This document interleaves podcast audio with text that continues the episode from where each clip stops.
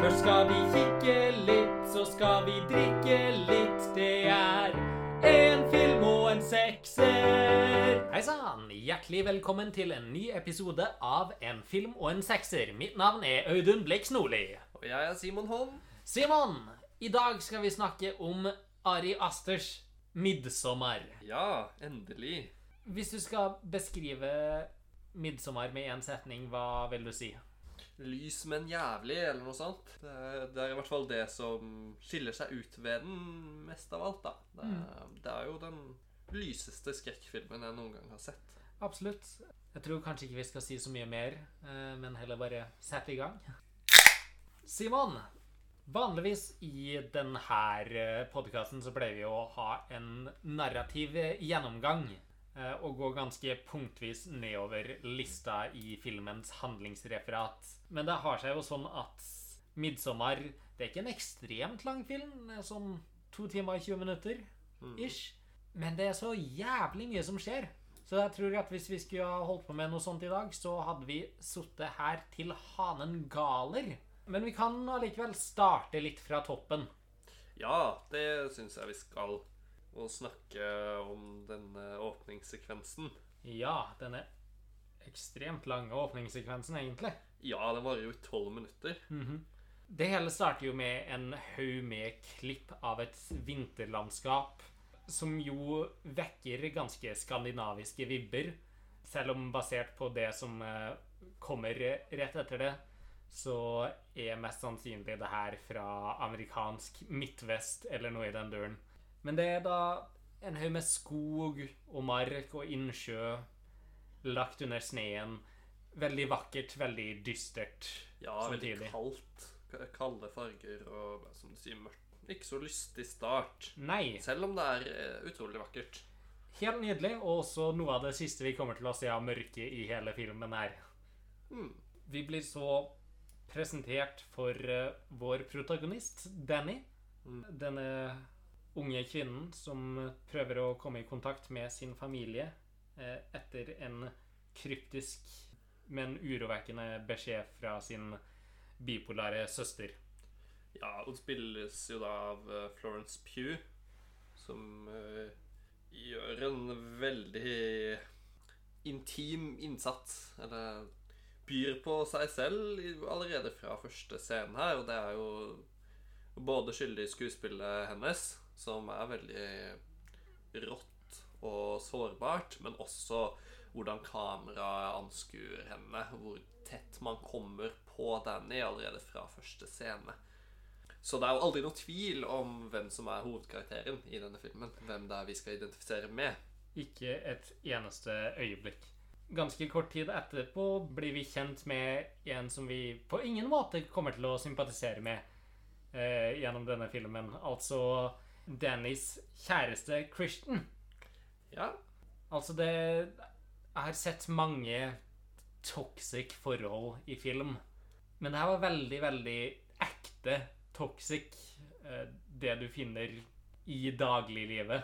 mm. måten han behandler henne på. Måten han bare skyver vekk alt hun sier, og får hun selv til å tro at hun overdramatiserer ting. Og får hun selv til å tro at alle problemene deres er hennes feil. Mm. Gjennomgående gjennom filmen, men det er veldig tydelig helt ifra starten hva slags forhold det er, og hvordan maktforholdene i det her parforholdet ligger. Ja, og det, det er jo en sånn ganske unik form for egoisme fra Christian sin side allerede fra denne scenen. Og der får man jo vite ganske raskt at det er eh, ikke egoisme fordi han nødvendigvis er egoistisk eller bare bryr seg om seg selv, men fordi han egentlig allerede har bestemt seg for at dette forholdet er ikke noe han- han vil fortsette med. Da virker det som at han har et sånn utgangspunkt at han skal ikke legge inn noe innsats eller eh, gjøre noe mer enn det minimale man kan. Hvis dette forholdet skal fortsette, så ligger den byrden fullt og helt på Danny. Så han tar ikke inn over seg det hun sier, og gjør ingenting mer enn absolutt minimum. Han sier at eh, Å ja, har vi, skal vi møtes i kveld? Ja, jeg, jeg tror jeg kan få til det. Fordi å si nei ville være å være en ekstremt tydelig dårlig kjæreste. Og det hadde vært åpenbart at det var feil, men eh, nå gjør han akkurat minimum, og så er det opp til Danny å gjøre resten. Og vi blir her presentert også for eh, Christian sammen med hans vennegjeng. Disse guttene krutt fra Calcutta, eller hva man enn skal kalle dem. Du har jo Christian, eh, som vi nå har snakka om. Du har Mark, som bare er en ekstrem drittsekk. Ja. Eh, kanskje den mest tydelige påvirka av eh, giftig maskulinitet i hele denne gjengen. ja, han er jo den også som skjuler det minst. Christian prøver jo i hvert fall til tider å fremstå som om han ikke er toxic, men eh, det er jo ikke Mark. Nei, han er veldig åpen og ærlig om sin forakt for eh, alt åpent, alt ærlig og alt kvinnelig.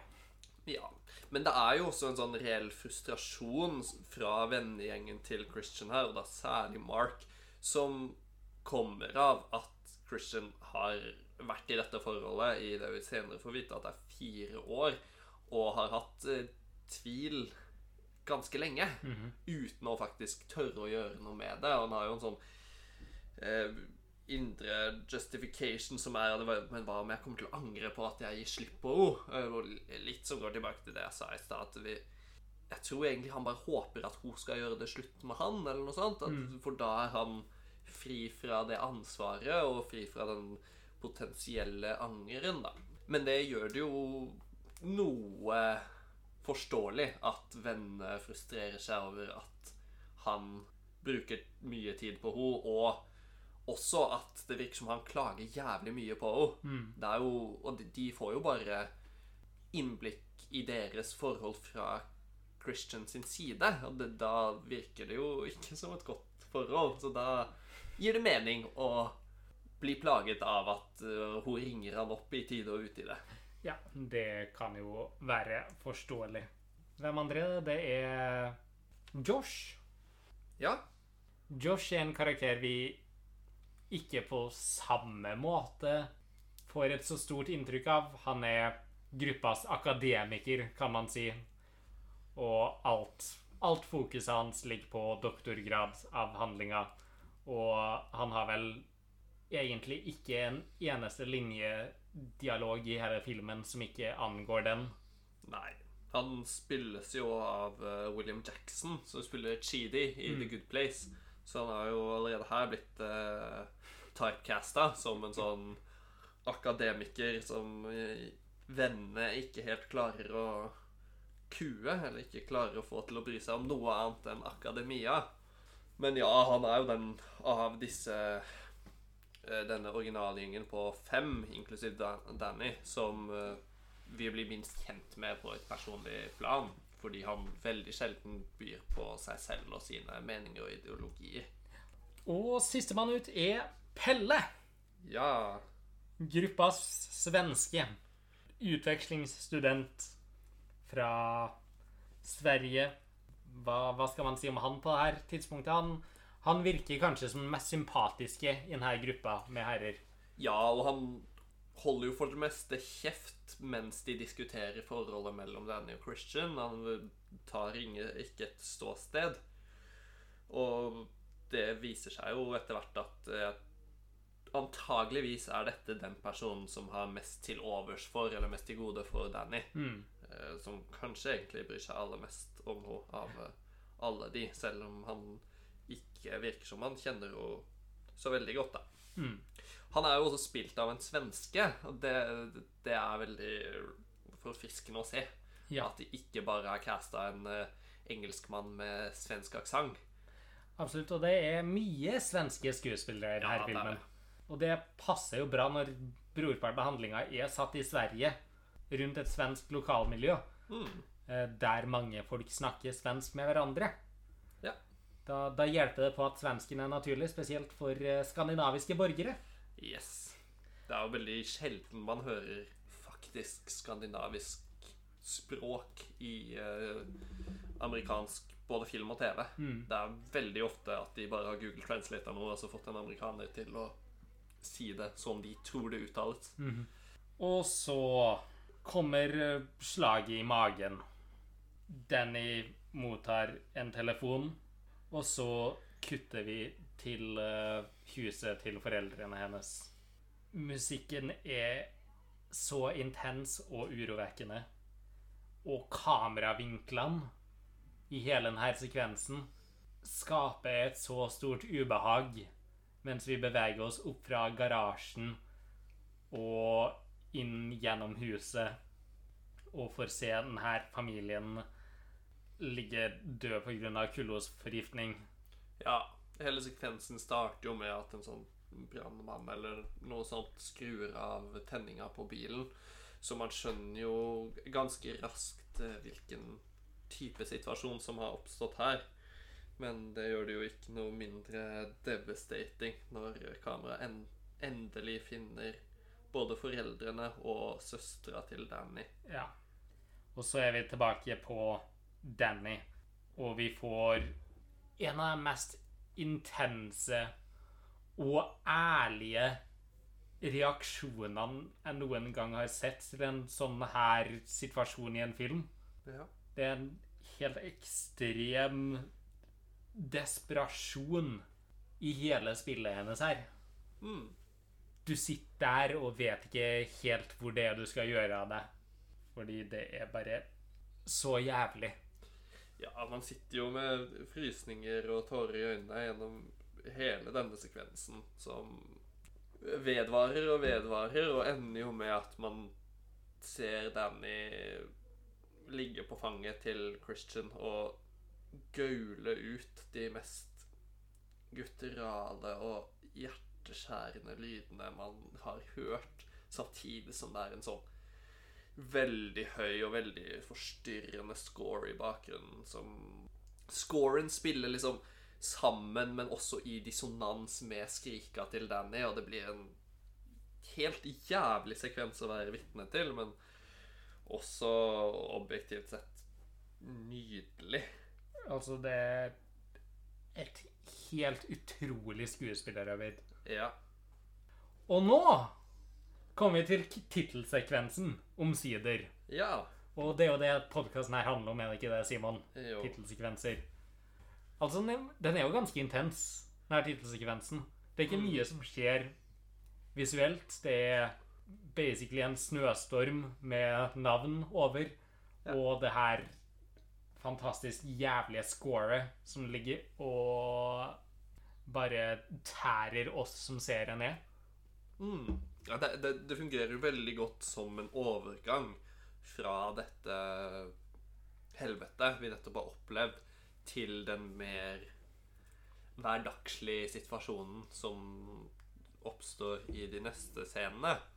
At man, man har dette scoret som demper seg gradvis, og så har man eh, Man får litt tid da til å la det synke inn og komme seg videre, uten at det er et så veldig brått kutt som eh, kunne ha opplevdes skjærende.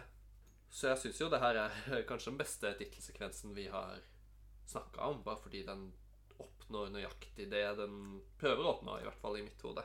Og nå er vi, som Simon sa, tilbake i hverdagen. Hverdagen under en fucka situasjon, kan man vel si, for Dannys tilfelle. Og er jo fortsatt eh, åpenbart i dyp, dyp sorg. Det er ikke et langt hopp her. Det er et eh, Man hopper vel kanskje noen uker Mm. eller noe sånt, men det er ikke ikke langt nok til at Danny er på noen måte over sorgen sin, da. Men uh, Christian kommer nå inn til henne og sier at han skal ut på en fest. Mm. Uh, og sier at hun får bare sove videre, hun.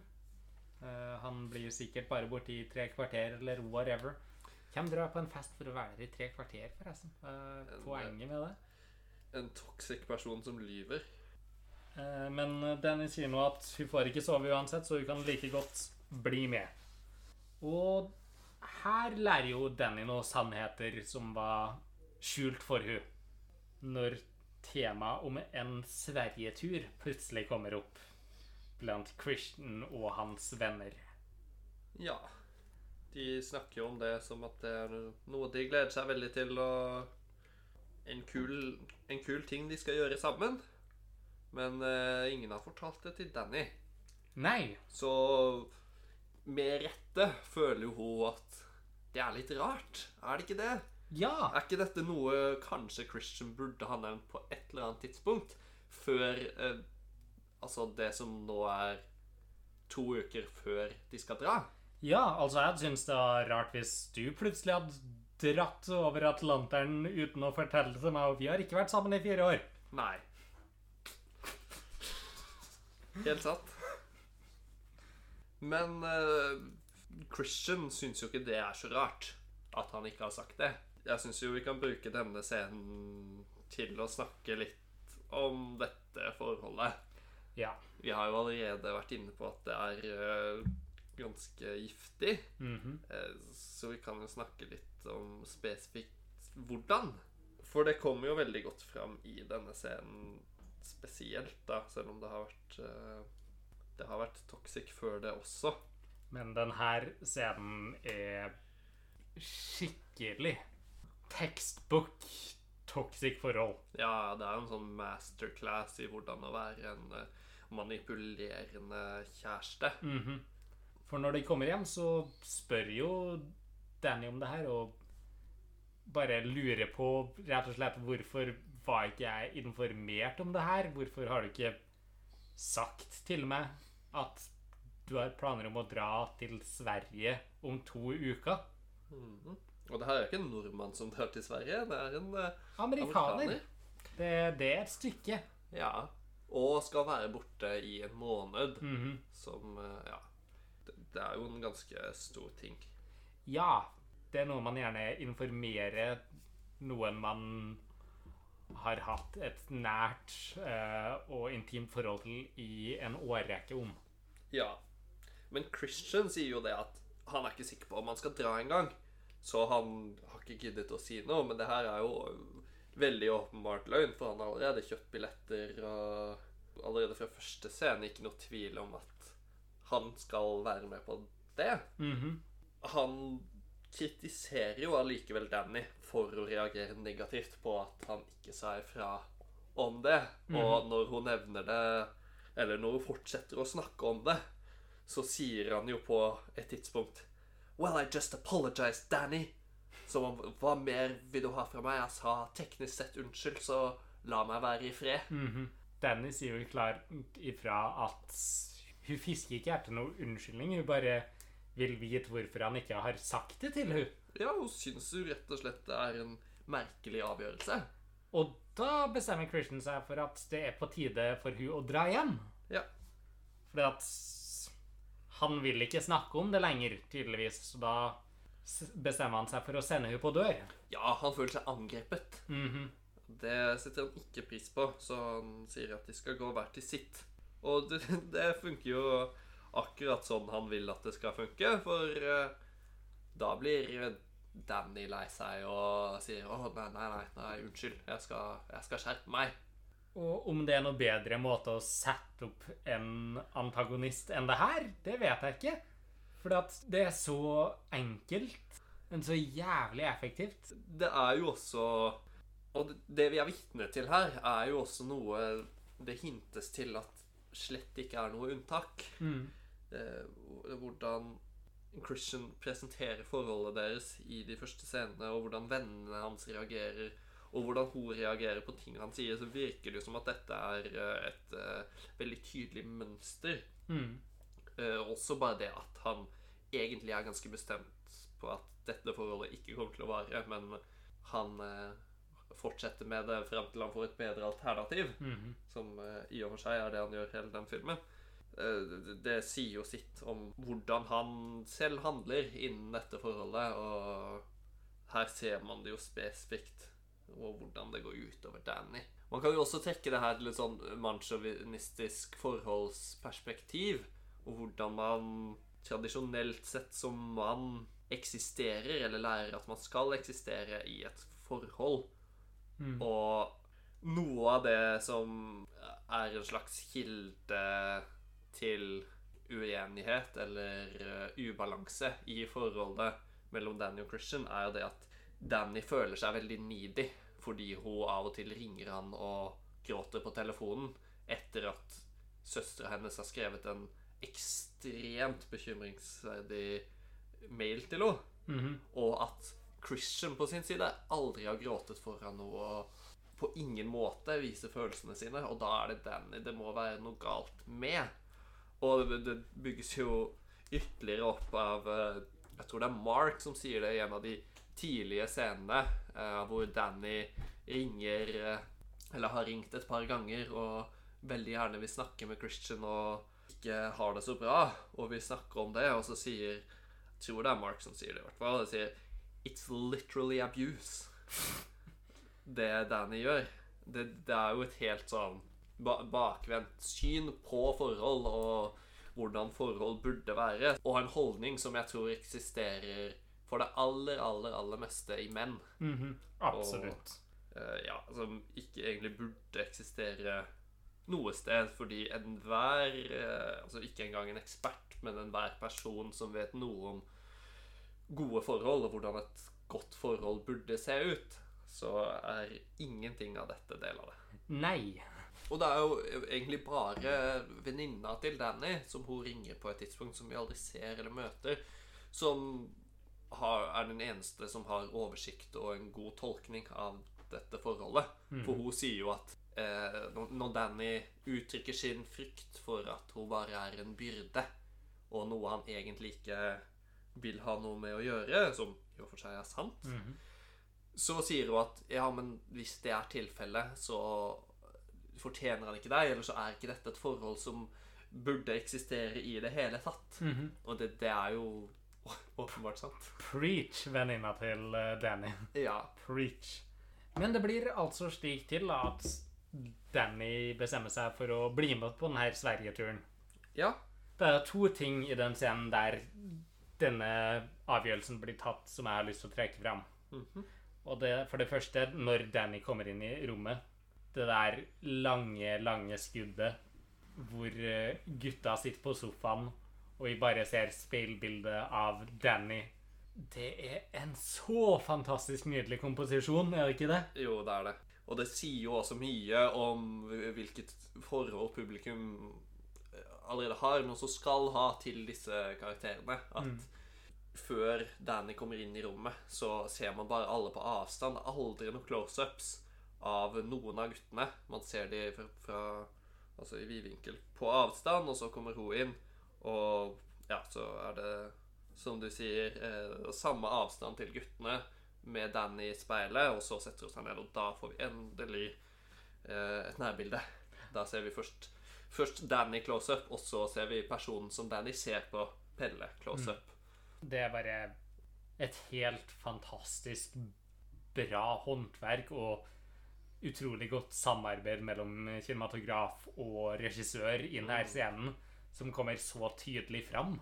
Ja, og det, eh, jeg er jo i det hele tatt ganske svak for sånne her eh, speilkomposisjoner. Det syns jeg veldig ofte er eh, både vakre og kule og imponerende, og dette, dette bildet er jo inget unntak. Nei, og spesielt med tanke på at speilet, og spesielt Danny sin refleksjon i speilet, er jo sentrert i bildet. Ja, ja, ja. Det er jo et annet område hvor kameraet behandler Danny veldig annerledes fra resten av karakterene. Dette med eh, sentrering. Det er veldig få andre karakterer som er midtstilt, eller i hvert fall midtstilt alene.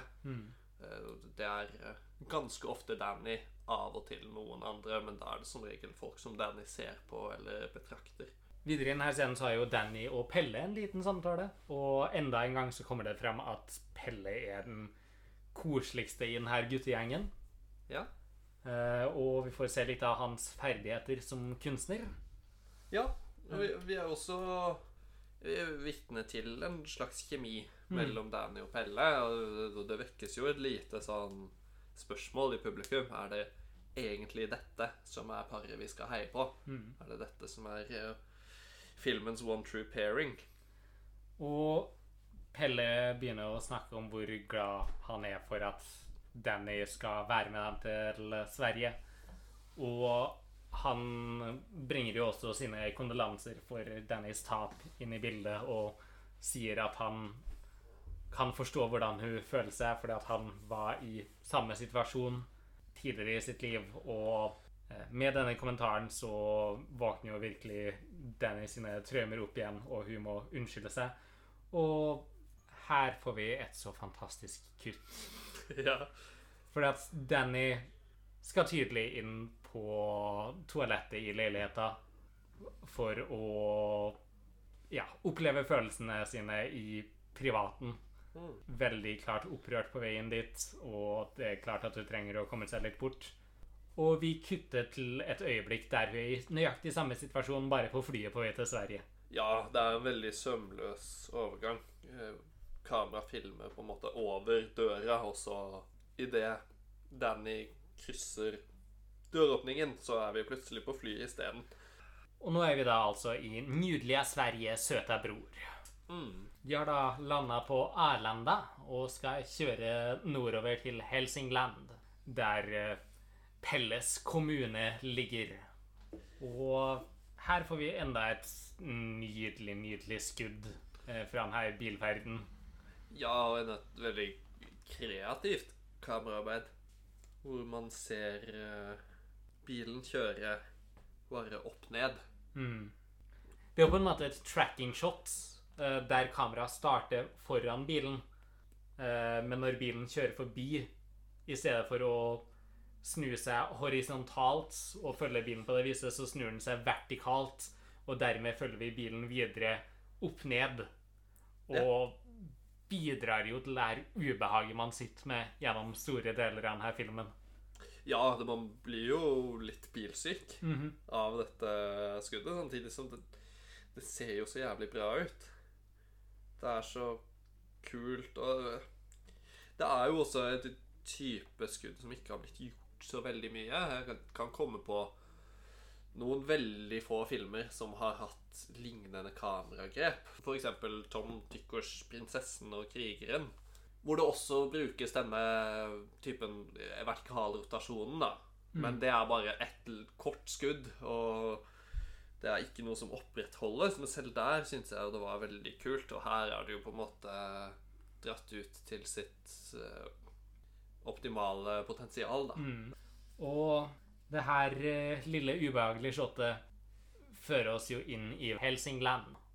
Og herfra er det jo bare nydelige, nydelige landskap som følger oss hele veien gjennom. Altså fra den bleike, nedtrykte stemninga i åpningssekvensen og alt vi ser fra USA, så kommer vi inn i det her nydelige svenske landskapet vekk fra urbane strøk, inn i, inn i naturen. Vi ser åpne sletter med grønt gress og blomster.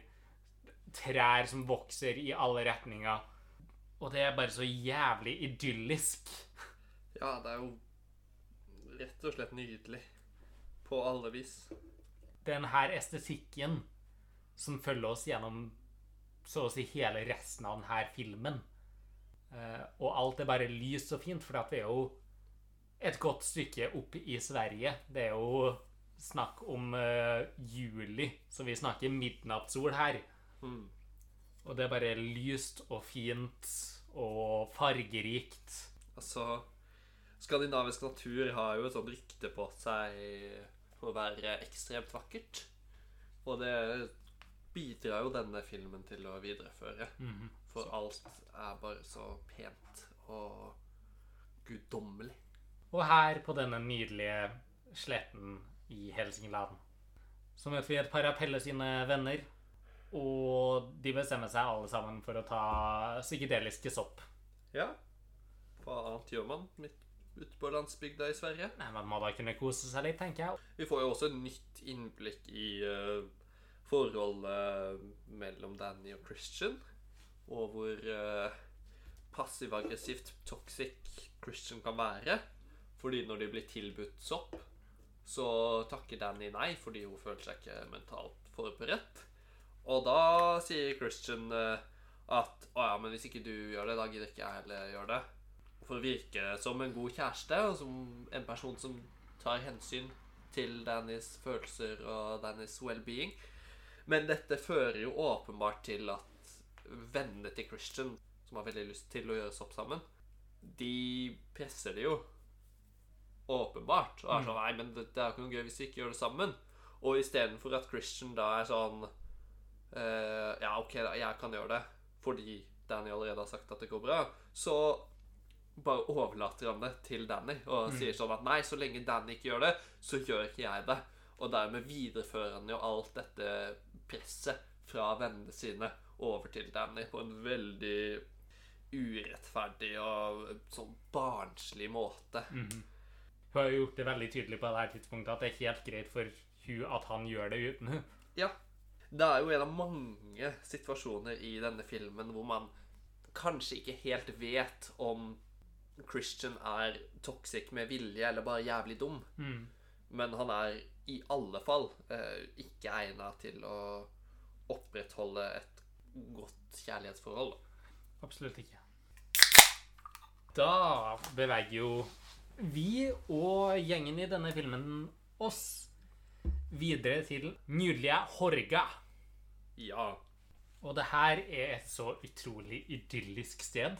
Det er jo et sted man umiddelbart føler seg hjemme i og bare lengter etter, selv om man aldri har vært der. Altså, det er lykkelige mennesker, vakker natur, alle lever i samhold og fellesskap. Det er et såpass lite samfunn. Det er som en stor familie som jobber for og med hverandre for å skape det beste livet de kan sammen. Og du har jo bare lyst til å øyeblikkelig selge unna alt du har, ta på deg en hvit eh, kjortel og reise av gårde. Ja. Og gjengen blir godt mottatt, dem. Ja, de blir jo ønska velkommen av eh, både masse svensker som snakker svensk, men eh, også en sånn innstendig fløytemusikk som høres veldig harmonisk og fin og koselig ut, men som også er høylytt og litt forstyrrende når den varer i flere minutter, slik som den gjør. Ja. Det Og det virker er- som det her er noe som går døgnet rundt, så å si, det her samfunnet. At det er trubadurer som konstant skaper bakgrunnsmusikk til livet i dette samfunnet. Ja, og det her er jo første hint, kanskje, til at dette samfunnet er litt for godt til å være sant. Eller at det også er en, et forstyrrende element til stede. Og allerede her så begynner vi å se at det er mye rituelt i det her samfunnet også. Jeg mener, konstant gjennom denne seksjonen av filmen så er det jo når det er to av de karakterene vi kjenner som har en dialog i forgrunnen, så er det et eller annet ritual som foregår i bakgrunnen.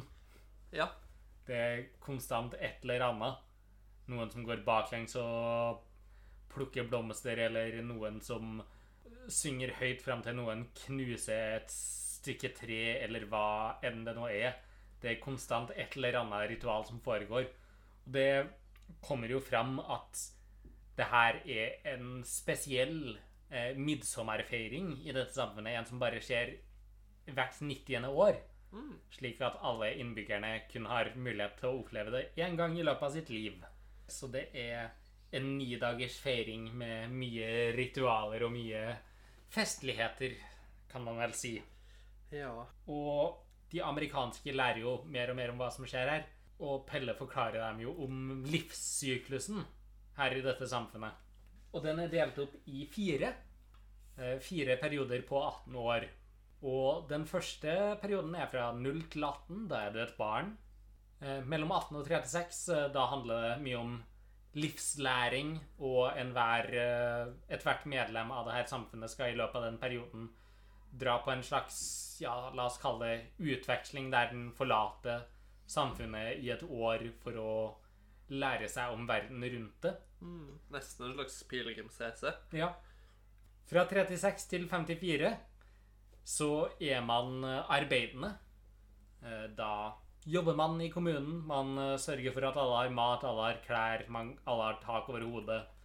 Eh, den slags. Og fra 54 til 72 så er man veileder. Da er man en elder i samfunnet. Siden vi allerede har brukt ganske mye tid på dette forholdet mellom Christian og Danny, og hvordan det utarter, og hvordan det utarter seg, så kan vi jo nevne at Danny har bursdag dagen etter de kommer. Eh, Pelle husker på det og gir henne en liten gave og sånn, mens Christian har glemt det. Og når Pelle og Danny snakker om dette, så sier Danny eh, Nei, nei, det går fint. Jeg bare glemt å minne han på at det er bursdagen min. Som er et veldig tydelig eksempel på den internaliserte selvhatet og selvtvilet som uh, har eh, kommet til live i Danny gjennom dette forholdet, da. Ja, og det er jo konstant. Hun driver konstant og unnskylder for han og unnskylder for oppførselen hans. Unnskylder spesielt for oppførselen hans overfor hun. Ja, alt som går galt mellom de, ser hun jo på som sin egen feil, og det er jo fordi Christian også ser på det som hennes feil. Bare jævla deprimerende. Men eh, de skal jo gå og legge seg den her første kvelden, og Pelle informerer dem om at neste dagen starter virkelig den her feiringa, og det starter med Etta stupet. Ja. Og av de her eh, amerikanerne så er det jo bare Josh eh, som har en viss form for forkunnskaper om hva dette skal innebære. Og han eh, er jo skeptisk til om det her skal skje i virkeligheten, eller bare om det er noe symbolsk, men de nekter å fortelle noen av de andre om det. Hvis jeg skulle ha deltatt på et slikt arrangement som Etastupet, så skulle jeg gjerne ha ønska å få vite hva det var som skulle foregå på forhånd, så jeg var litt forberedt på hva det var jeg skulle komme til å se. Ja. For når vi møtes ved frokost neste morgen, så er det jo de to eldste i det her samfunnet som kommer sist fram til bordet og setter seg. Og her får vi enda et sånn nydelig skudd. Fy faen, det er så mange nydelige skudd i denne filmen. ja. Det er uh, skuddet overfra når alle plukker opp bestikket sitt på rekka der. Helt perfekt koreografert. Ja, og er jo langs et bord som er forma som en sånn rune. Det er jo et av veldig, veldig mange eksempler i denne filmen på fugleperspektiv som er tatt i bruk, og et av nesten like mange fugleperspektivshot som er utrolig vakre. Mhm. Det er virkelig noe som ser uh, ser bra ut, og som Ari Aster og fotografen hans vet å komponere. Ja. Men så kommer vi til etterstupet. Det jeg beit meg merke til øyeblikkelig her, kjenner er at det her er første gang på lenge at det er en veldig stor mangel på farge i en scene. Altså, alt det som har foregått tidligere, helt siden de kom til Helsingland, og spesielt eh, etter at de kom til Horga, har vært så ekstremt fargerikt og idyllisk. Mens her er det bare sand og stein, så langt øyet kan se. Ja, det, er jo første scene hvor det er overskya i Sverige. Så det blir jo mye tristere og mer uh, tragisk visuelt uttrykk med en gang Mm. på denne scenen, og det matcher jo handlingen som etter hvert utspiller seg. Ja, for at, hva er det vi skal finne ut at etterstupet faktisk er? Ja, det, det er jo Det er jo et stup. Ja, Det er jo som et nokså vanlig stup fra omtrent 15 meter. ja. Bare at man lander på stein istedenfor vann. Som Ja. kanskje er enda vanligere nå til dags. Og de som skal stupe ned, det er jo gamlingene. Ja. For de har passert 72, de. Ja, de har fullført sin livssyklus og er klare til å bli født på nytt. Og de som kommer fra utafor det her lille lokalsamfunnet, er jo ikke like stor fan av det her. Nei. Fordi de her gamlingene, de stuper jo ned. Og først er det hun her kvinnen Ylva som stuper ned. Og her får vi jo faen meg et av de patented Ari Aster dødt hodeskuddene. Ja, det, for det er jo ikke Det er ikke helt et stup, det er med et mageplask. Mm. Og hun lander eh, rett ned på dette, denne svære steinen. Og hun knuser jo rett og slett hele skallen sin. Ja, hun gjør det. Altså, all, all hud blir øyeblikkelig revet vekk fra fjeset hennes. Og vi får en ganske grei close-up av resultatet etterpå. Og hva er mer naturlig for Ari Aster enn å zoome inn på et dødt hode som ikke har dødd av naturlige årsaker?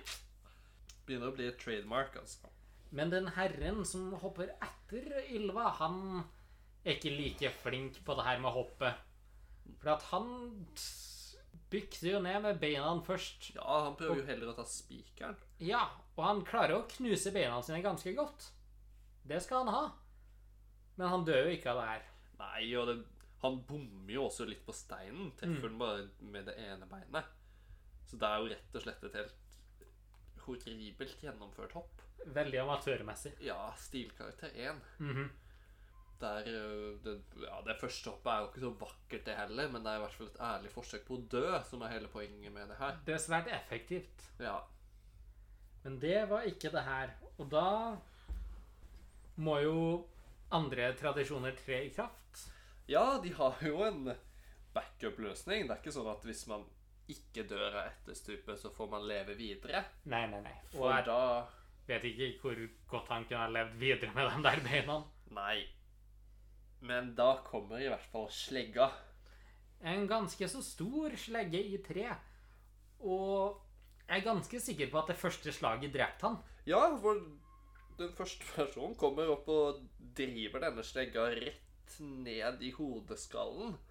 Og, knuser ansiktet og det som ligger bak. Men eh, ritualet tilsier jo at alle som trer fram, skal få et slag. Ja. Og det gjør de så absolutt. Og det som resulterer, er et veldig, veldig knust hode. Ja, helt Og vi får jo et close-up av det her også, selvfølgelig, for det er Ari Aster. Ja, ja. Og det er jo flatt. Amerikanerne og britene som er til stede, reagerer jo kraftig. Spesielt britene reagerer kraftig. Ja. Eh, Josh var jo på et vis klar over hva som skulle komme til å skje. Og Danny og Christian virker ikke til å helt forstå hvordan de skal reagere.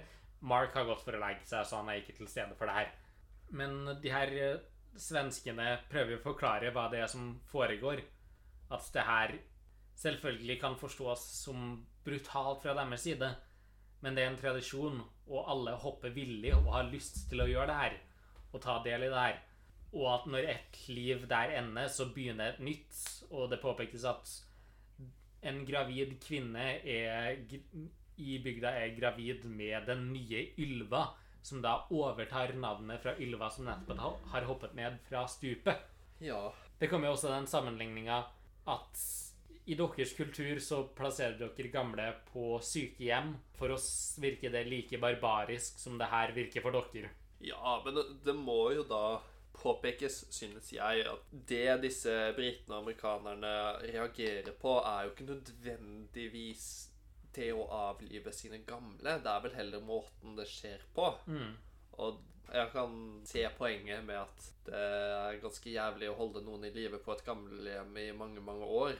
Men det er også ganske jævlig å kaste noen utfor et stup. Mm. Hadde det ikke vært litt bedre å bare skyte de gjennom skallen eller halshugge de eller Altså, et eller annet? for Ylva gikk det jo ganske så kjapt.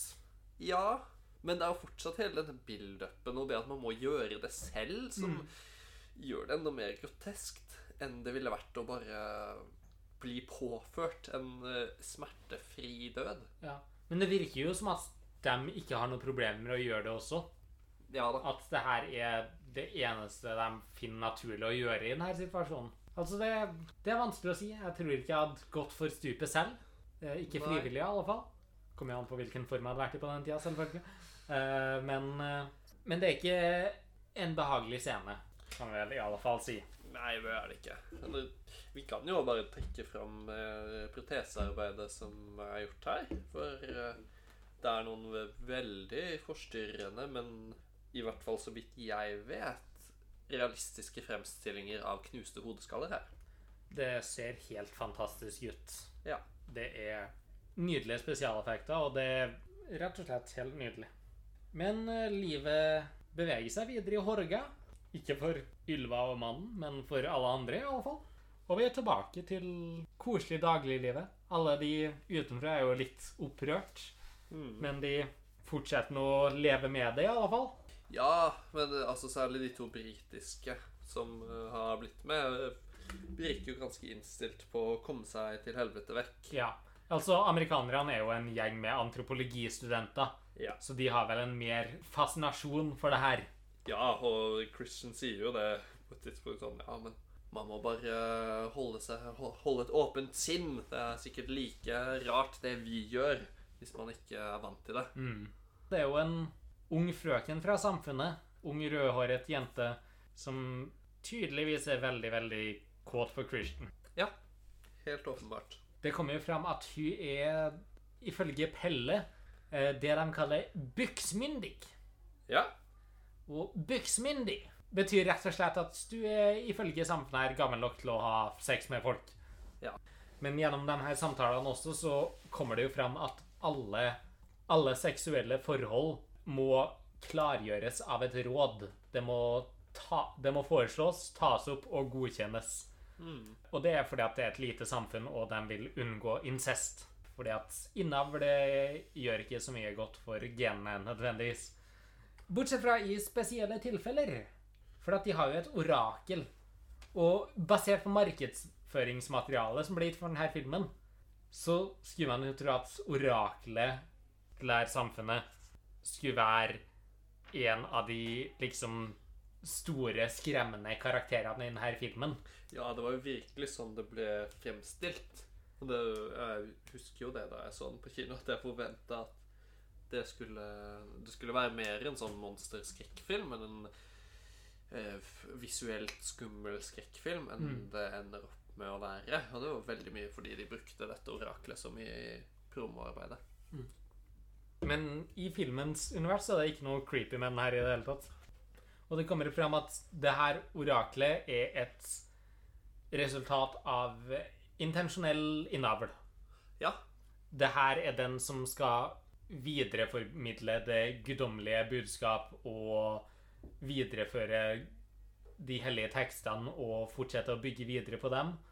Og for å få det, så må de, så må de være Og nå sitter jeg Unclouded by normal cognition. Ja. Og det får de da til ved intensjonell innavl i dette tilfellet.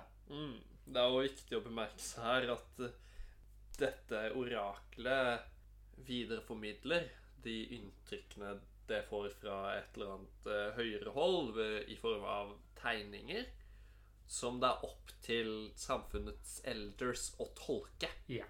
Så det her blir jo et sånn veldig klassisk siktgrep, Mm. hvor man har n- noen visse folk som er verdige og kvalifiserte til å tolke Guds budskap. ja. Men det innebærer jo da at det, de kan helt og holdent bestemme hva Guds budskap er, fordi ingen andre er kvalifisert til å tolke det. Videre så fortsetter jo den her eh, rødhårede unge frøkenens uh, lokkelsesforsøk på Christian.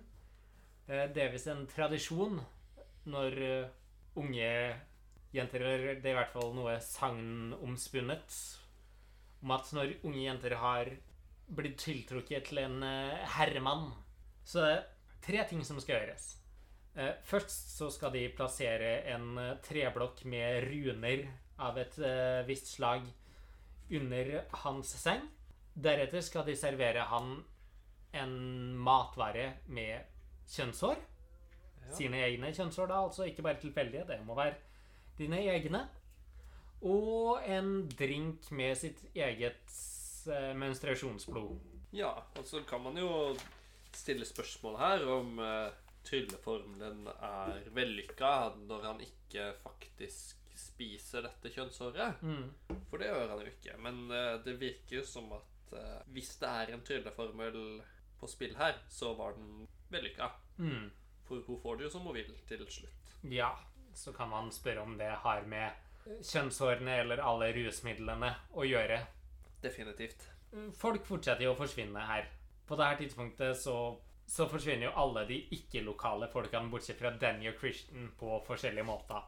Noe får vi se mer eksplisitt, noe får vi se mindre eksplisitt. Men alle forsvinner på forskjellig vis.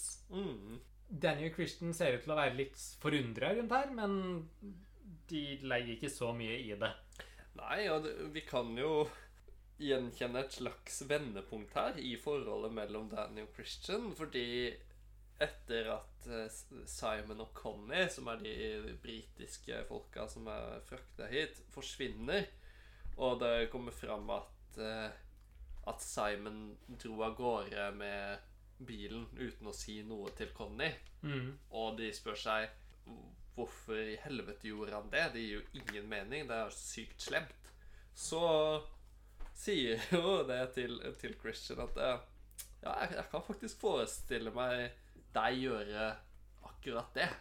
Og det, det vitner jo om en endring i Dannys indre. At hun begynner å se det giftige i Christian og det dysfunksjonelle i forholdet deres. Og det er ganske nydelig. Ja. Men nå har jo dagen kommet for eh, en stor seremoni. Fordi nå skal de jo kåre Mai-dronningen. Ja. Og The May Queen eller Mai-dronningen, eller hva man nå enn skal si, kåres ved en dansekonkurranse. Slik alle konflikter bør løses, etter min mening. Definitivt. Der alle de unge kvinnene i eh, samfunnet blir gitt eh, noe hallusinogener i form av te. Og så danser de rundt en påle til siste kvinne står igjen. Og denne scenen er helt utrolig vakker. Her får man jo igjen noe av dette fugleperspektivet. Og det, det er særlig de delene, eller de skudda, jeg bemerker meg. Det er hvor man ser formasjonene ovenfra. Mm. Som bare er fantastisk pene og veldig godt koreografert og komponert. da. Mm. Og ikke bare det, det er de close-upsene på Danny Ja, ja. overimposed på andre close-ups av Danny i en sånn serie at det bare blir et kaos, men et vakkert kaos. Og også en slags skildring av uh, gledelsvekkelse Mm. innen Danny. At hun for første gang i filmen her finner en slags eh, nytelse i Mm. livet. Og det, man kan jo skylde på narkotika, eh, men det er fortsatt veldig deilig å se henne smile litt. Det er fantastisk nydelig. Og dansen går, den. Og dansen går. Christian blir tatt ut litt for å, fordi at han blir fortalt at den her unge røde kvinnen Maya eh, har valgt han ut som sin partner, og rådet har godkjent eh, paringen. Han ser ikke til å ha så mye å si om det i, denne, i dette tilfellet øyeblikkelig, men det kommer vi tilbake til. Men dansen går og dansen går, og plutselig er det åtte igjen. Og Danny er en av dem. Og det er en enorm ekstase blant disse kvinnene. Sekvensen fortsetter, og den fortsetter, og den fortsetter, og den fortsetter å være så jævlig nydelig. Bare bevegelser og farger og intens glede blant alle deltakerne. Og det kulminerer jo i en sekvens hvor Danny endelig lærer seg svensk. Mm. Klarer å kommunisere med disse jentene og danser sammen med på et språk som veldig åpenbart ikke er svensk. Eller engelsk. Eller noe som helst forståelig, men De kommuniserer sammen.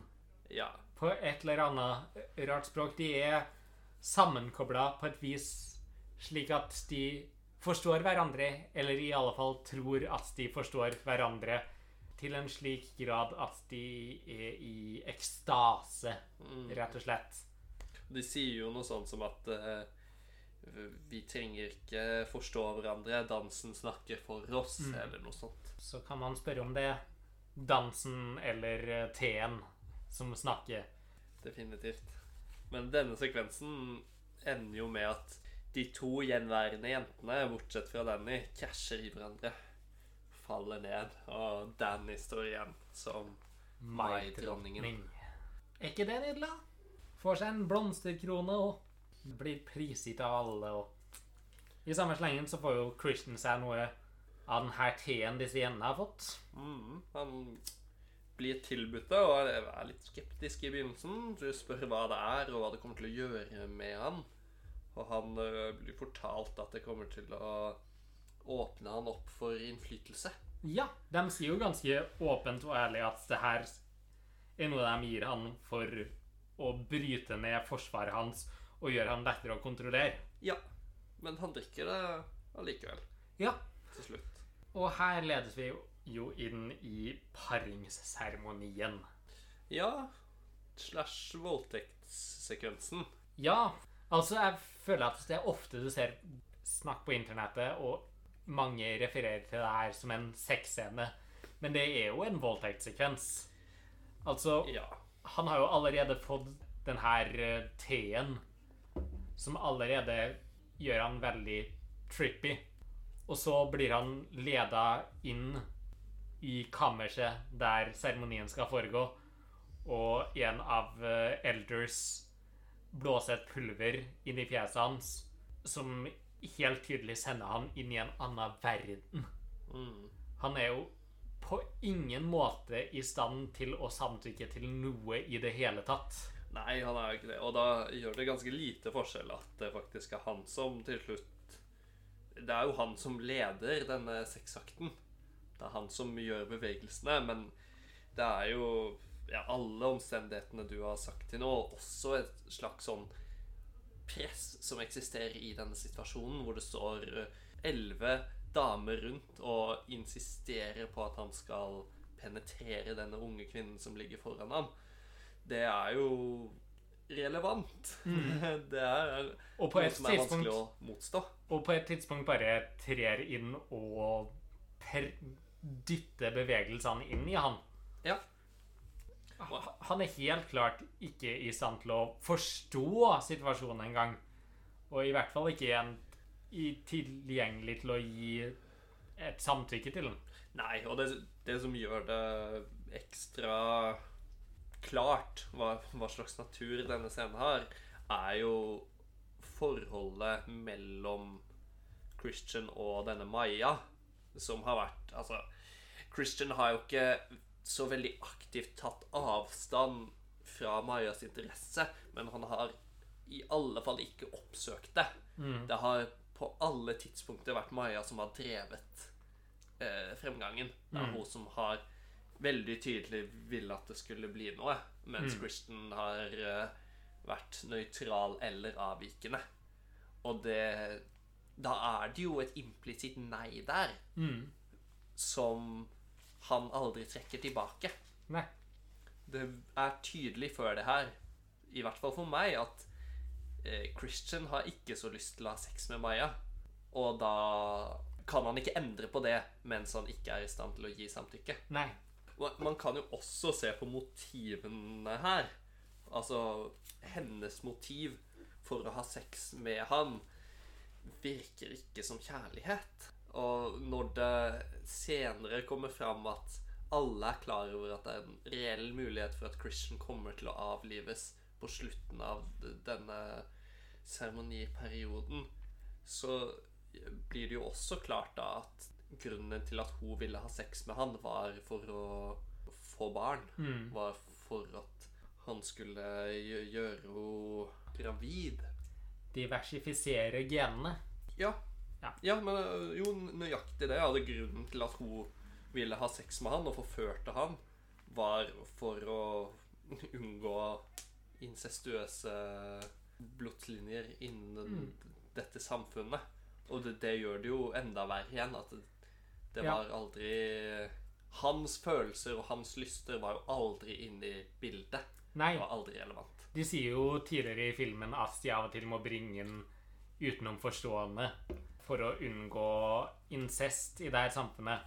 Og nå ser vi jo hva de gjør med de utenomforstående i det her samfunnet. Ja. Og så jeg syns denne scenen, eller min tolkning av denne scenen, er eh, relevant å snakke om fordi det er veldig åpenbart mye galt med Christian og hans behandling av Danny og hans oppførsel innen deres forhold. Men akkurat denne scenen, som til slutt er den scenen Danny reagerer mest på, syns jeg jo ikke er hans feil. Nei, han er jo et offer. Han er det. Men sånn fra Danny sitt perspektiv Hun vet ikke hva som har skjedd med han. For all del, men nå tenker jeg mer på altså et publikumsperspektiv, da. Det, når vi som publikum bedømmer han som uh, mannssjåvinist og som toxic, så er det ikke på bakgrunn, i hvert fall i mitt hode, av at han har vært utro. For Nei. det oppfatter jeg det ikke som at han har. Nei, det er ingenting som tyder på at han har vært han. Det virker som at han snakker med vennegjengen sin om det. Og liksom skal tøffe seg med det. Eh, Da peker jeg til første scenen Mm. eh, på den baren, eller dineren, eller hva det er. Men det er jo ingenting i narrativet som peker i den retninga at han har gjort noe. Nei. Og jeg føler heller ikke han gjør noe Nei, i denne her scenen. absolutt ikke. Han er ikke i stand til å si noe eller å handle av fri vilje i denne scenen. Nei. Men eh, når eh, Danny kikker inn gjennom nøkkelhullet og ser det her, så er jo hun ikke klar over hvilken situasjon Christian er i. Nei. Og dette leder jo til en sekvens som er kanskje min favorittsekvens i hele, hele filmen. Mm. Når Danny endelig oppnår eh, en form for catharsis. Og dette hjelpes av disse kvinnene som eh, er med henne. Og de oppretter et sånn eh, stønnekor. Mm. Stønnekor har det jo også vært inne hos Christian. For alle damene der stønner i takt med han og hans eh, elskerinne slash overfallskvinne. Ja. Men dette koret som opprettes rundt Danny, er jo så vakkert. Mm. Og det- ser så nydelig ut, syns jeg. Og det ser så deilig ut å Det- bare skrike ut. Det virker som en form for ekstrem empati. Ja. Egentlig, Det virker som at alle dem rundt hun virkelig føler det hun føler, og føler det på nøyaktig samme måte. Ja, og deltar i hennes uttrykkelse av sorg og frustrasjon på en måte som ingen i livet hennes har gjort før da. Nøyaktig.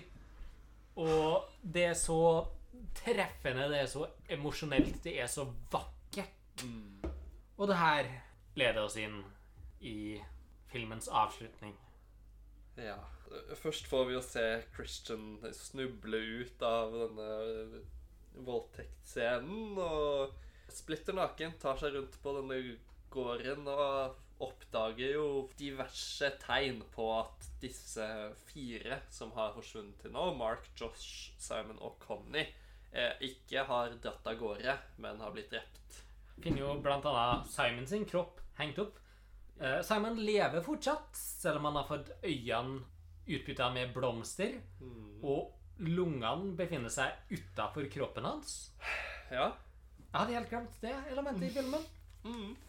Men han blir brått uh, fanga opp og får enda mer eh, pulverblås inn i fjeset sitt og er på dette tidspunktet helt ute av alt. Ja, når han våkner, så er han paralysert idet den siste seansen skal ta sted. Og det er jo her hele intensjonen bak å invitere alle disse amerikanerne og britene til eh, Horga avsløres. Og det er også her vi virkelig får det estetiske høydepunktet i filmen her. Vi får Danny som maidronning rett og slett begravd i blomster. Ja, altså Hodet hennes er jo det eneste man kan se av henne. Mm. Og da er det jo bare utrolig pent å se på denne drakten de har kledd henne opp i. Det er et nydelig bilde. Altså, fram til nå, helt siden de kom til Sverige, så har det her vært den definitivt estetisk nydeligste skrekkfilmen jeg har sett noensinne. Mm. Men i denne sekvensen så topper det faen meg alt. Så får vi jo vite da at eh, hele greia med denne festivalen hvert 90. år er at de er nødt til å ofre fire outsidere fire insidere og én person til valgt av Mai-dronningen. Og det, det er jo fire outsidere som har dødd til nå, som er del av ofringa. Mm. Det er altså Simon, Connie, Josh og Mark. Mm. Allerede tatt av dage. To lokale eh, har bykset ned fra en klippe allerede. Mm. Og to stykker har meldt seg frivillig til Ja. å ofre sitt liv. Og så er det loddtrekning på en lokal. Og da har eh, Danny som Mai-dronning muligheten til å velge mellom denne lokale og Christian som siste offer. Ja. Altså, hun velger jo Christian. Man kan jo teoretisere en del rundt det valget. Mm.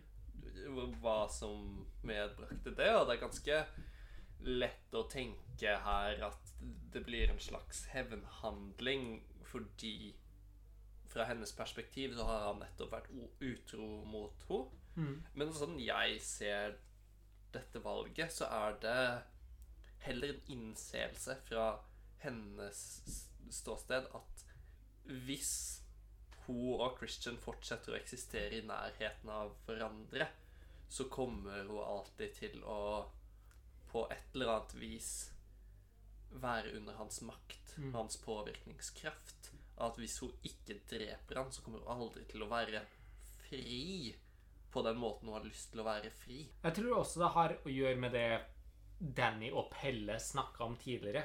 At han også mista foreldrene sine. Men at der, i Horga, så har han en familie uansett. Alle er hans familie. Og etter at hun kom dit, og spesielt etter at hun ble Mai-dronning, så har hun følt at hun har en familie der. At hun er en del av noe større. At hun ikke er alene lenger. Og derfor vil hun ikke ofre noe av det for noen som ikke brydde seg om hun. Ja, og det, det går jo da begge veier. Både at å drepe denne insideren ville vært negativt for det, men også at for hun å starte et nytt liv med denne i dette samfunnet ville antageligvis forutsette at hun ikke har noe igjen å klamre seg fast til. Mm. Og det er jo Christian. Så velger Christian. Det var en bjørn som var i et bur gjennom hele filmen i det her samfunnet. Det har vi helt glemt å glemme. Men bjørnen blir drept, flådd, og Christian blir plassert inn i skinnet dens. Ja.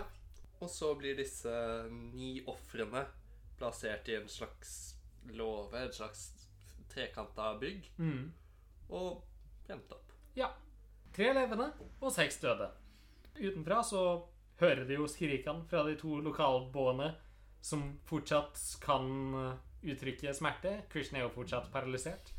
Og vi får enda et eksempel på den her ekstreme direkte empatien snakka om tidligere, som leder inn i en fest, og vi avslutter alt på Danny som står der og endelig smiler ekte, ærlig.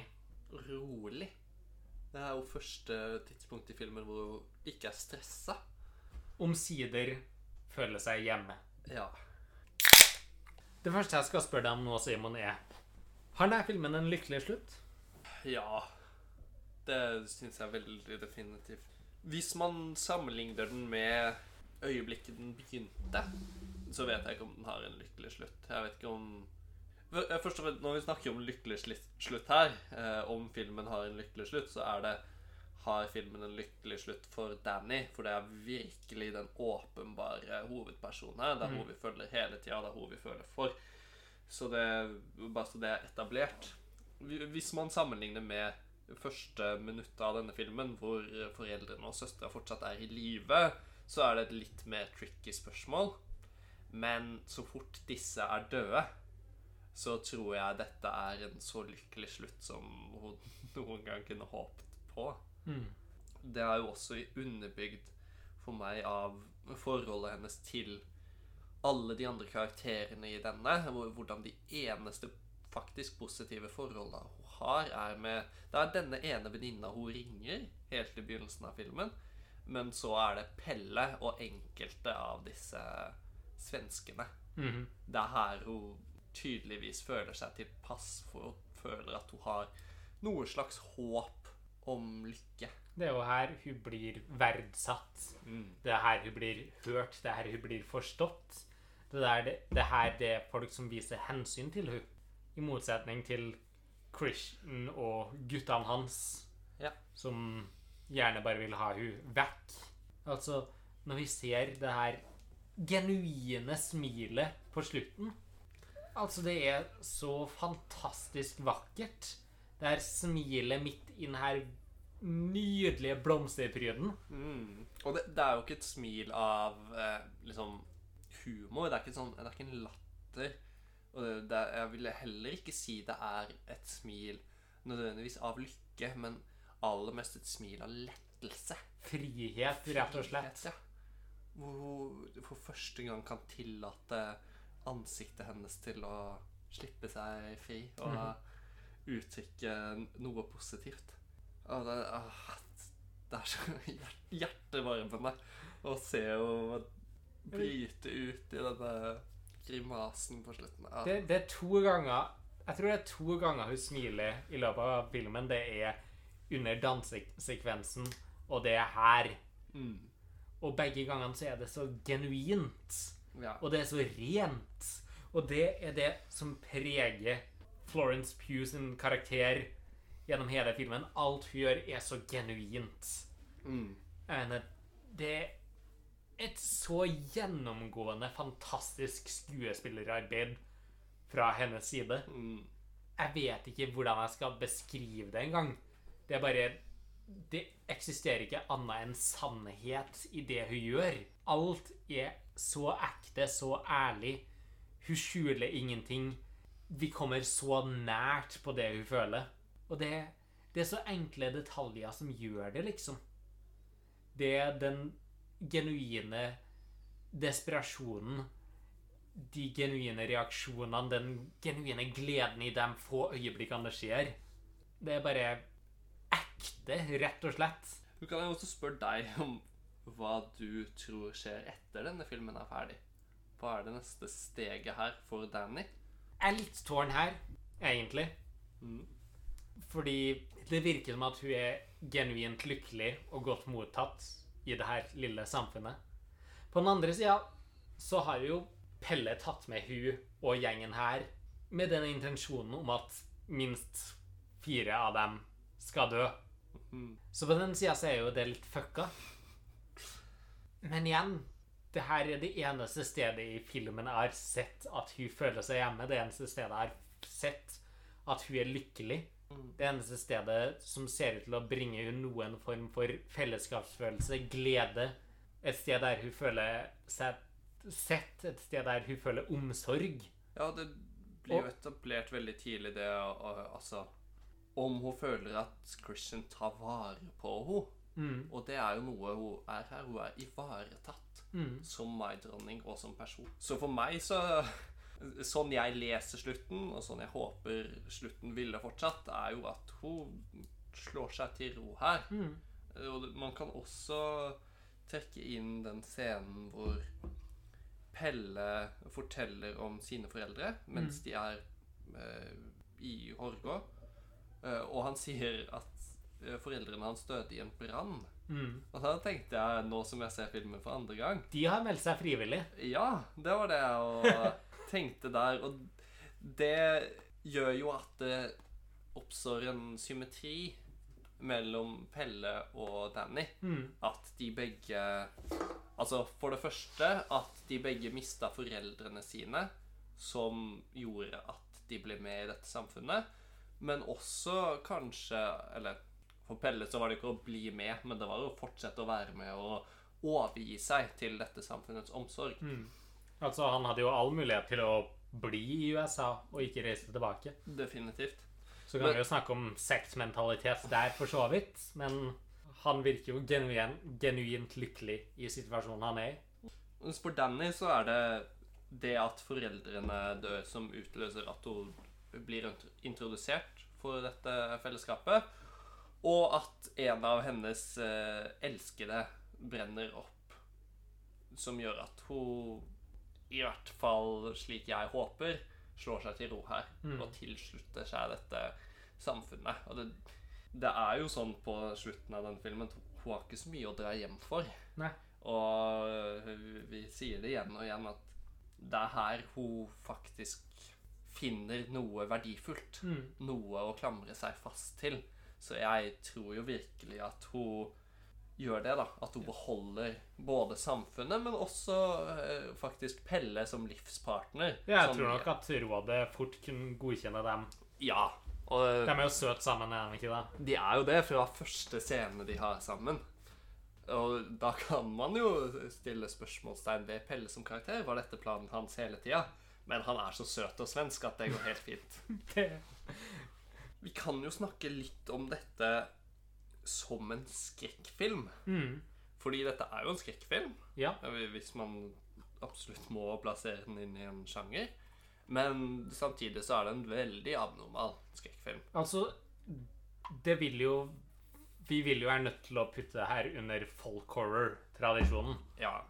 Eh, altså, du har en, et lokalsamfunn som fungerer på den samme måte som en sekt. Mm. Store deler foregår i dagslys.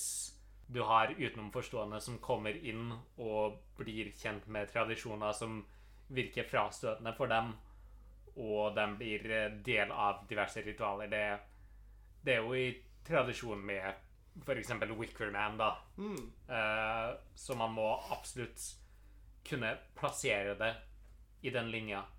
På samme måte så er jo det her en del av det vi har snakka om tidligere i The Witch, og som vi snakka om i den forsvunne episoden Suspiria. Med den moderne kvasi-horrorsjangeren, kan man si. Altså, det er jo i like stor grad fokus på karakterer og forhold mellom karakterer som det er på skrekken. Det er liksom de her familie- og parrelasjonene som er i fokus med folkhorror som et bakteppe. Ja. Da har den jo også opphav i filmer som altså Rosemary's Baby og Eksorsisten, som er eh, horrorfilmer med familiedramarammer. Mm. Man kan jo se på den sånn òg, men jeg syns også at denne har en struktur som til en ganske overraskende grad minner meg om slasherfilmen. Ja. Selv om den er eh, visuelt sett veldig, veldig lite slasheraktig. Både at det er veldig lyst, Mhm. men òg at man ikke ser så mange drap veldig grafisk. Man ser det Man ser noen selvmord ekstremt grafisk. Men drapene det skjer jo offscreen. ja. Men du har veldig rett her, og det er jo i tråd med mye tidlige slasherfilmer der en god del dødsfall foregikk offscreen, og der vi bare så det som leder deg inn i det. Eh, og det er jo en gjeng med unge mennesker som blir slakta ned én etter én etter én. Mm. Det, det bærer absolutt slasher-elementer uten at det noen gang ordentlig blir en slasher. Nei, nei, det er mer den overordna strukturen. Ja. Altså det du er inne på her, og det, det at man har Danny som en sånn final girl Mm. som til slutt overlever, og eh, Men- det at det er hun og hennes uh, egentlig hovedkjærlighetsinteresse som overlever, Mm. det uh, samsvarer jo med enkelte slasherfilmer, i hvert fall. Ja. Sånne happy ending-slashere. ja. Men i motsetning til slasherfilmer så avslutter ikke den her med at hun overvinner den myrdende kraften, men embracer den i stedet for. Blir en del av den. Så avslutninga er en sterk kontrast til slasherfilmen, derimot. Ja. Men absolutt i struktur så har den jævlig mye til felles med den. Mm. Og det er jo også et kjennetegn på veldig mange av de i hvert fall Vito anser som en del av denne eh, moderne kvalitets-kvasi-horrorbølgen. At de har et veldig aktivt og bevisst forhold til enkelte horror-subsjangre og deres sjangertrekk. Og at de vet nøyaktig hvor de skal spille med og spille mot disse sjangertrekkene. Men det, det er jo kanskje òg et symptom på noe som eksisterer ikke bare innen skrekk nå til dags, men i veldig veldig mange sjangere. At man tar enten konkrete bad guys fra eksisterende universer, eller tar konsepter som ofte blir sett på som negative, og stille spørsmålet Men hva om de ikke var så ille allikevel? Mm. Og det er jo det som skjer inn, innen disse filmene, at dette som for 30-40 år siden ville blitt sett på som den onde kraften, blir sett på som kanskje heller en utvei, eller noe Mm. man kan bruke eller utnytte til sin egen uh, fortjeneste. Da. Ja, det er et direkte opprør mot konvensjoner om godt og vondt, Mm. rett og slett.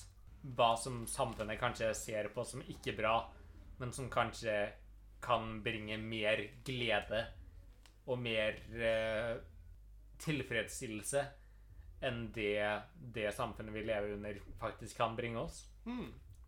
Har vi noen avsluttende tanker? Vær så snill å se 'Midtsommer'. Jeg mener det Bare fra et rent visuelt ståsted så er det en av de desidert nydeligste filmene som har blitt laga. Fargepaletten, komposisjonen av skuddene Alt ved denne filmen fra et visuelt ståsted er så ekstremt nydelig. Til og med de mest urovekkende skuddene i hele filmen er vakker på sin egen måte. Og ikke bare det. Det er en fantastisk interessant handling. Du har sekter, du har vaklende parforhold, du har irriterende folk som blir drept, du har svensk. altså, er det én ting som du skal se denne filmen for, bortsett fra det visuelle, så er det Florence Pugh sin fantastiske prestasjon. Jeg mener, det her er toppen av skuespillerarbeid. Det er så ekte, så ærlig, så rått. Simon. Altså, jeg kan jo bare skrive under på alt det du har sagt nå. Jeg vil også trekke fram bare et par elementer som vi Først og fremst, eh, siden vi er inne på det visuelle, kostymene. kostymene. -hmm. Fy faen så vakre og kule og interessante Altså rike de kostymene er.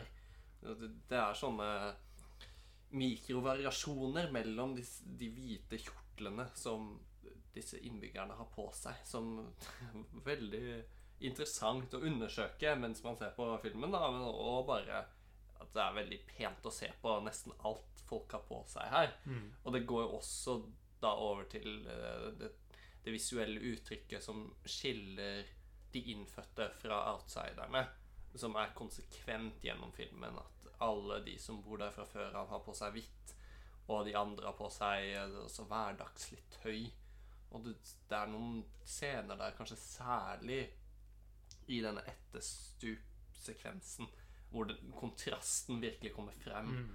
Og man ser eh, alle de hvite forholder seg rolige og makelige, mens de i farga tøy utagerer. Og ah, det er så Og her får vi også se det virkelige skillet i Danny sin rolle. Kommer jo etter at hun har fått på seg det her hvite tøyet. Ja. Og dermed blir en del av det samfunnet og trer vekk fra den verdenen der hun var under Christian sin hæl. Mm.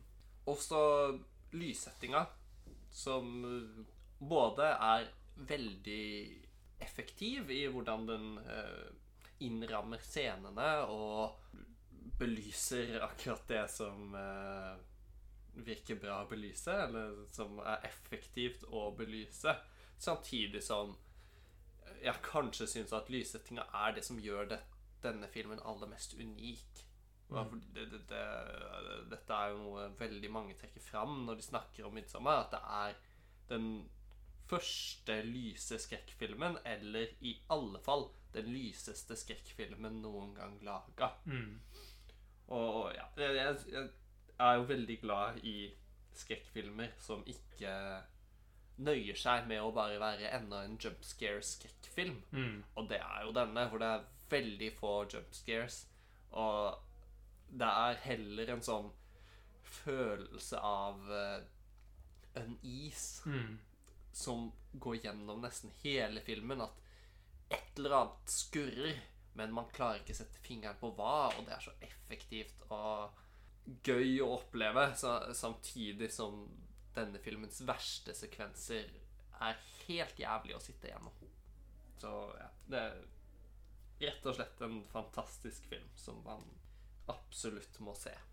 Jeg tror vi bare skal si at uh, de som ikke har sett 'Midtsommer', se 'Midtsommer'. De som har sett 'Midtsommer', se 'Midtsommer' igjen. Dere kommer ikke til å angre. Nei. Og med det så tenker jeg at vi skal takke for oss. Eh, takk til publikum som stemte på at 'Midtsommer' skulle bli dagens film. Jeg satte veldig stor pris på det. Akkurat det jeg ønska meg i kveld. Alltid hyggelig å prate med deg om film, Simon. Vi ses neste uke. Skål. Skål!